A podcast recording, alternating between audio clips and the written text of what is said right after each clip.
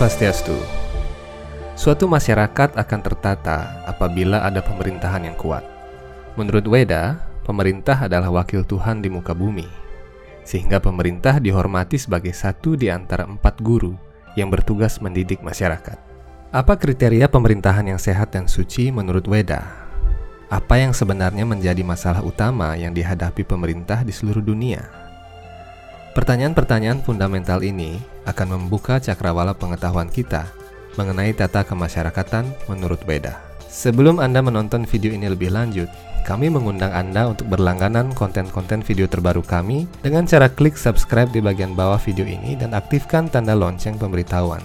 Anda juga bisa turut berpartisipasi aktif dalam menambah konten kami dengan mengajukan pertanyaan lewat kolom komentar atau official Instagram kami. Pertanyaan-pertanyaan terpilih akan dijawab dalam episode podcast Hindu Times.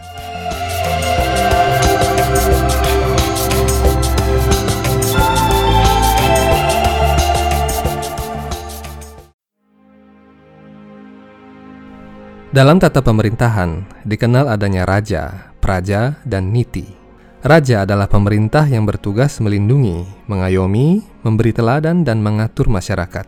Praja adalah rakyat Kitab suci Weda Mahabharata menjelaskan bahwa praja adalah makhluk hidup apa pun yang berlindung pada suatu negara, baik ia manusia, hewan, yaksa, raksasa, maupun tumbuh-tumbuhan.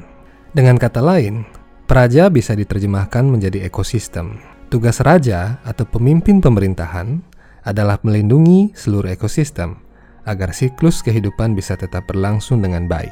Dalam istilah modern, ini disebut dengan eco-government. Sementara itu, niti adalah hukum. Dalam niti ada dana dan danda. Dana adalah hadiah atau pemberian pemerintah kepada rakyatnya berupa perlindungan, ketahanan pangan, pendidikan, pelayanan kesehatan, dan infrastruktur. Dana juga berarti sumbangan rakyat kepada pemerintah.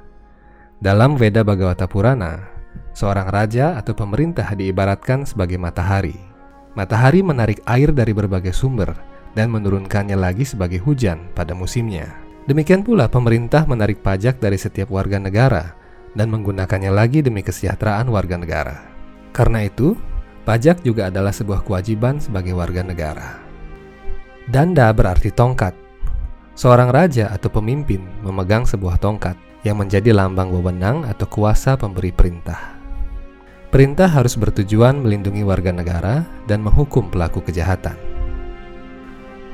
Pemerintah dipimpin oleh seorang kepala negara. Pada zaman sebelum Kali Yuga, kepala negara adalah seorang raja yang adalah keturunan dari Manu. Di zaman Kali Yuga, hukum-hukum Manu tidak lagi dijadikan acuan. Padahal, hukum-hukum Manu tidak hanya mengatur hak dan kewajiban pemerintah dan warga negara, namun juga perlindungan kepada seluruh makhluk hidup dalam suatu negara agar ekosistem suatu negara tetap terjaga.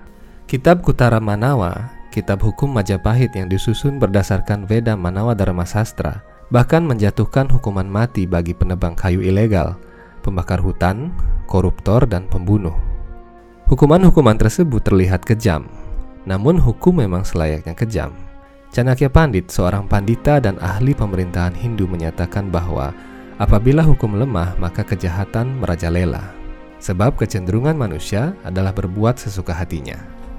Meskipun pemerintah kejam pada pelaku kejahatan, pemerintah harus mengayomi rakyatnya.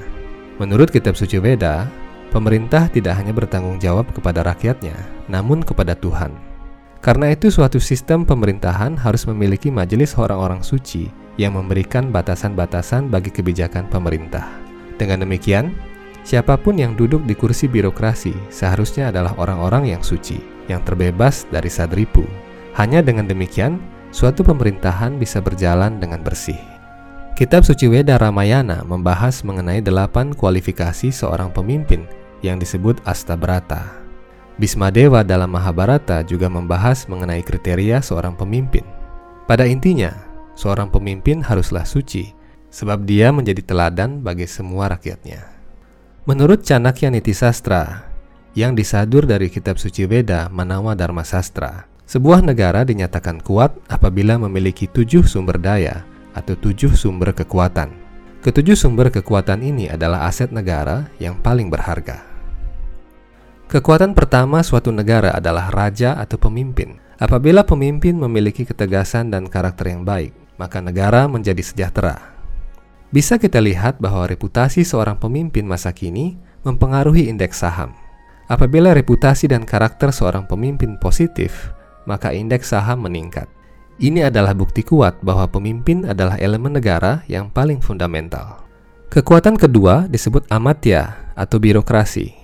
Negara dengan birokrasi berbelit-belit tidak akan bisa maju Para birokrat, menteri-menteri, legislatif maupun penegak hukum yang tidak setia kepada negara bagaikan wabah penyakit yang merusak suatu negara dari dalam.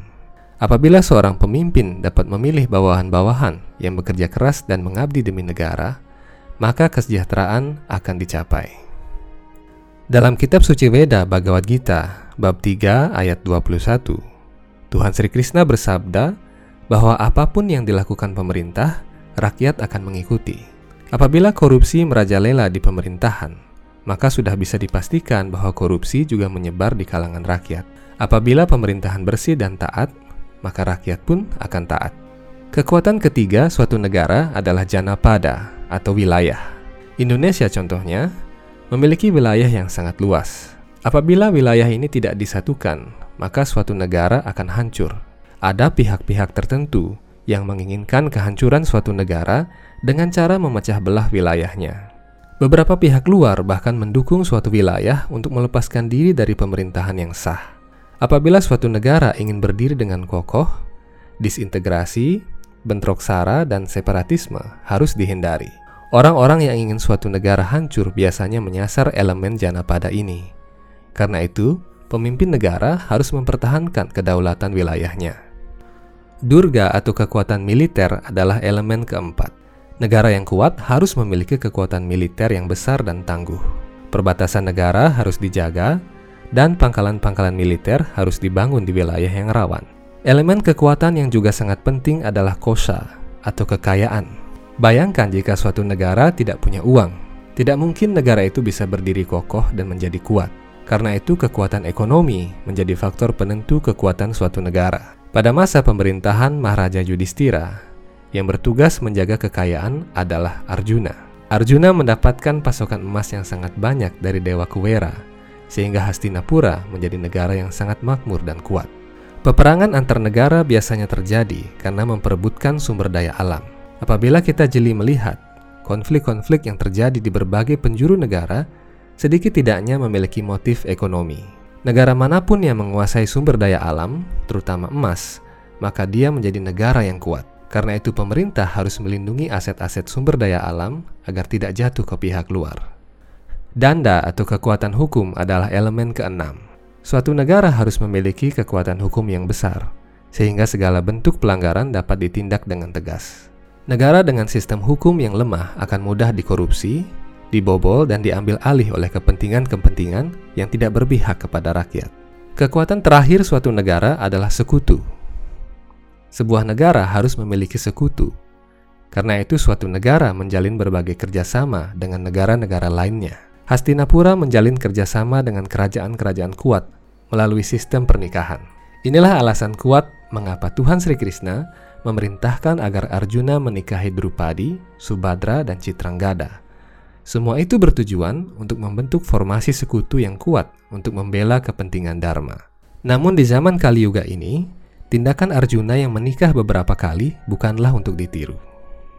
Selain mengatur mengenai sumber-sumber kekuatan negara, kitab suci Weda Manawa Dharma Sastra juga mengatur tugas-tugas warga negara. Tugas warga negara yang paling pokok adalah menjaga kedamaian dan keharmonisan. Dengan cara itu saja, warga negara sudah membantu pekerjaan pemerintah. Rakyat juga hendaknya tidak menghujat pemerintah, sebab pemerintah harus memperlakukan berbagai kebijakan dan mengurusi berbagai jenis kepentingan.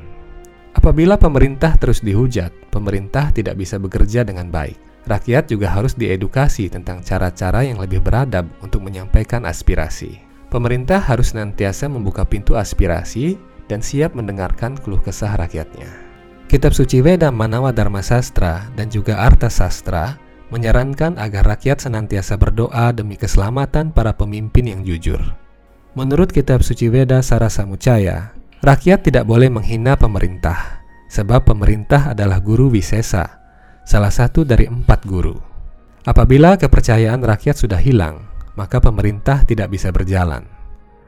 Tugas rakyat adalah bekerja bersama-sama dan berdoa menurut keyakinan masing-masing agar negara senantiasa berada dalam keadaan tentram. Rakyat juga tidak boleh merusak fasilitas umum. Rakyat bagaikan anak dan pemerintah adalah ayah. Ayah memberikan fasilitas untuk anak dan kewajiban anak adalah memelihara fasilitas itu. Rakyat hendaknya tidak berbuat anarkis, tidak menyebarkan isu-isu yang memecah belah negara, tidak mengadu domba sesama rakyat, serta tidak serta-merta ingin menggulingkan pemerintah. Apabila itu sampai terjadi, akan ada kerusuhan besar dan banyak rakyat kecil akan menjadi korban karena pemerintahan tidak berjalan dengan semestinya. Suatu pemerintahan yang suci adalah pemerintah yang bertanggung jawab kepada rakyat dan Tuhan. Pemerintah yang suci akan menjadi wakil Tuhan di muka bumi, yang menjaga tanah air seperti ayah menjaga anaknya.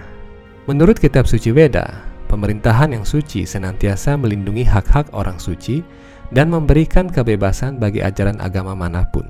Tidak ada agama yang mengajarkan hal yang buruk. Setiap agama pasti mengajarkan hal yang baik dan rohani.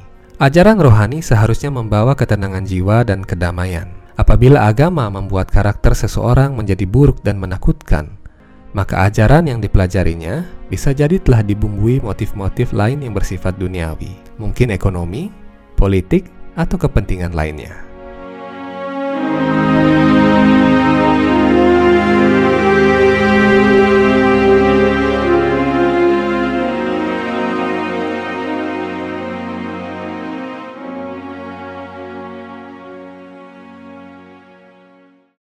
Demikian episode kali ini tentang pemerintahan yang suci menurut kitab suci Weda. Semoga bermanfaat untuk kita semua. Nantikan episode-episode Hindu Time selanjutnya dengan topik-topik menarik berdasarkan kitab suci Weda. Om Santi Santi Santi Om.